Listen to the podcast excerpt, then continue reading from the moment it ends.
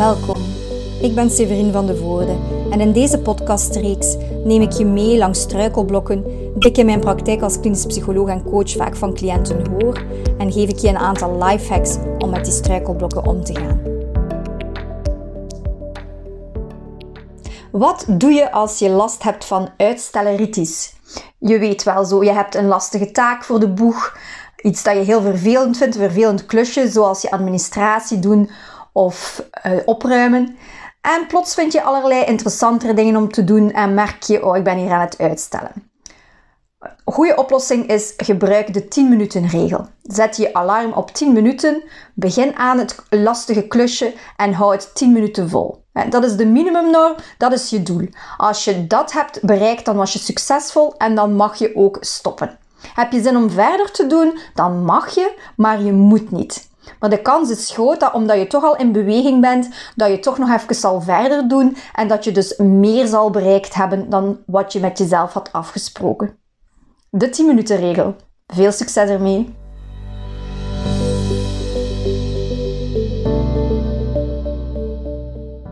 Waarom doen we dit in godsnaam? Een lastige taak uitstellen. We weten dat het ons niet vooruit helpt. We weten dat we het ooit toch moeten doen, dat het enkel uitstel is van executie. Meer nog, het veroorzaakt zelfs stress. We blijven ermee bezig in ons hoofd en we voelen ons vaak schuldig omdat we het niet hebben gedaan. Het geeft ook heel weinig voldoening door de dingen te gaan uitstellen en je bezig te houden met ja, arbitraire zaken. Dus waarom doen we dat? Dat is zo omdat ons brein niet houdt van lastige of oninteressante dingen. Die zaken zijn op zich heel weinig belonend. Ze zijn niet fun, ze zijn niet interessant, ze motiveren ons niet. Ze zijn weinig motiverend en ja, werken daardoor niet belonend voor ons systeem. Ons brein houdt van onmiddellijke en kleine beloningen. Tim Urban noemt dit de instant gratification monkey. We hebben zoiets als een rationele beslissingmaker in ons hoofd. Dat is ons rationeel denkbrein met ehm, aan het stuur uh, de, de prefrontale cortex, die ervoor zorgt dat we onze focus kunnen houden, dat we doelgericht kunnen handelen, dat we naar de lange termijn kijken, dat we kunnen volhouden enzovoort. Maar we hebben ook zoiets als ons emotioneel en impulsief brein, een, uh, een soort van ons, ons zoogdierenbrein eigenlijk, wat dus door Tim Urban benoemd wordt als de instant gratification monkey. Dus de aap die instant beloning nodig heeft.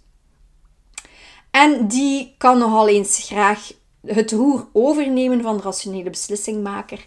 En daardoor gaan we in op de kleine, onmiddellijke beloningen. Die geven ons telkens een kleine shot van dopamine. Dopamine is een neurotransmitter, een stof in ons brein die een heel belangrijke rol speelt in ons beloningssysteem. Dus het is een chemische stof in ons brein die betrokken is bij verschillende functies, hè, verschillende hersenfuncties, cognitieve functies, waaronder motivatie, plezier en beloning. Als wij iets doen dat ons plezier of voldoening geeft, zoals bijvoorbeeld uh, lekker eten eten, uh, shoppen, een spel winnen, dan wordt er dopamine in ons brein vrijgegeven. Dat zorgt ervoor dat we een gevoel van plezier en motivatie ervaren en dat stimuleert ons om dat gedrag in de toekomst te gaan herhalen. Dat is dus eigenlijk de basis van verslavingen. Dus je doet iets, dat geeft een shot dopamine en zo gaat jouw lichaam steeds opnieuw op zoek naar diezelfde shot dopamine. Ook het checken van onze sociale media op likes en berichten werkt op die manier verslavend. We krijgen daar telkens een shot dopamine van. Dus ja, als dat iets in ons brein is, hoe kunnen we dat dan in godsnaam gaan beïnvloeden? De lifehack is gebruik de 10 minuten regel.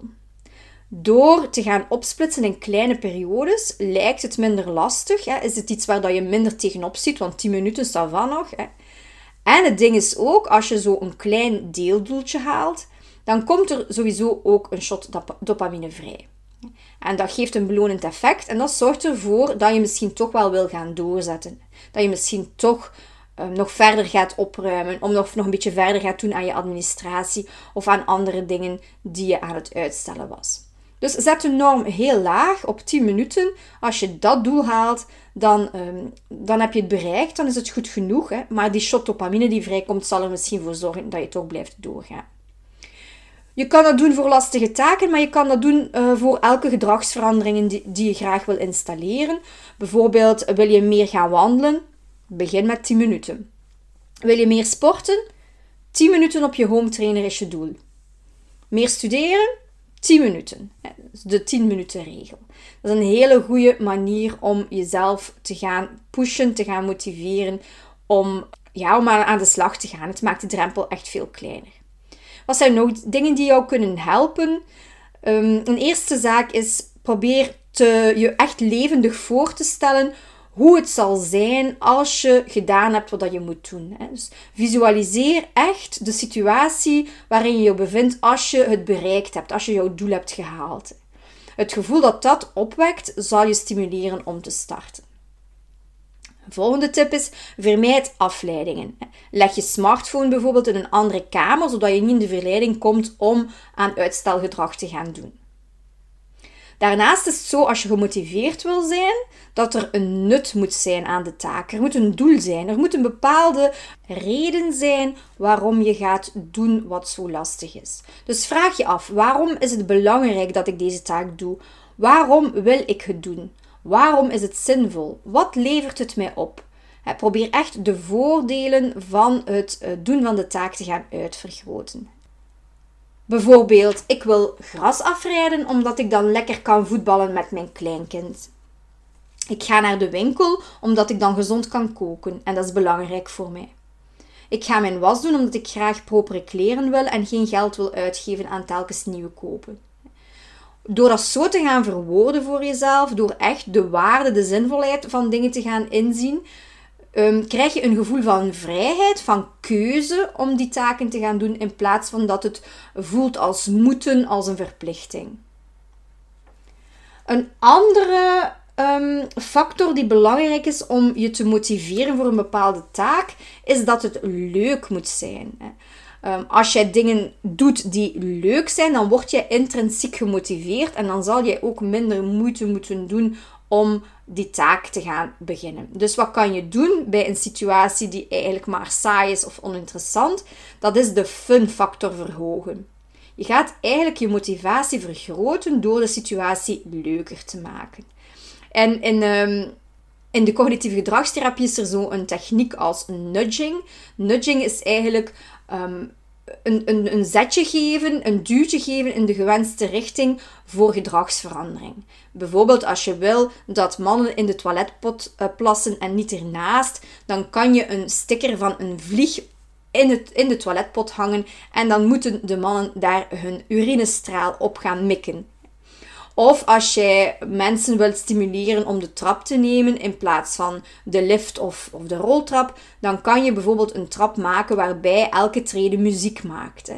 Ehm, mensen gaan dan dat gedrag gaan stellen omdat het fun is, omdat het plezier geeft, omdat het leuk is om dat gedrag te gaan stellen.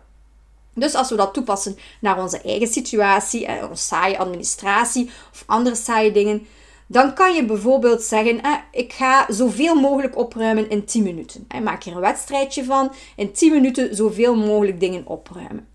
Of tijdens het strijken bijvoorbeeld, zet je een leuk muziekje op. Of uh, als je moet stofzuigen en je doet dat eigenlijk niet graag, dan kan je doen alsof je een pakmanspel speelt. Hè. Dus de stofzuiger is de pakman en moet alle pluisjes gaan vangen. Als je het gras wil af, af, afmaaien en ehm, je vindt dat eigenlijk niet zo fijn om te doen, je stelt het altijd uit, dan kan je ervoor zorgen dat je een leuke podcast kan beluisteren terwijl je het gras afrijdt. En zo ben je echt wel gemotiveerd om toch naar, dat, uh, naar die saaie taak te grijpen, om daar toch mee te starten. Een laatste tip die ik nog graag wil meegeven is: beloon jezelf achteraf. Als je de taak hebt gedaan, dan krijg je iets van jezelf. Dan mag je bijvoorbeeld uh, eens bellen met je beste vriendin of dan mag je een leuke serie kijken op Netflix. Ik wens je heel veel succes ermee om uh, kom af te maken met je uitstelgedrag voor lastige, saaie taken. Wil je meer weten? Lees dan zeker mijn boek Van Stress naar Veerkracht. Bedankt voor het luisteren. Neem zeker een kijkje op vanstressnaarveerkracht.be voor interessante online cursussen en volg me op Instagram voor gratis waardevolle tips.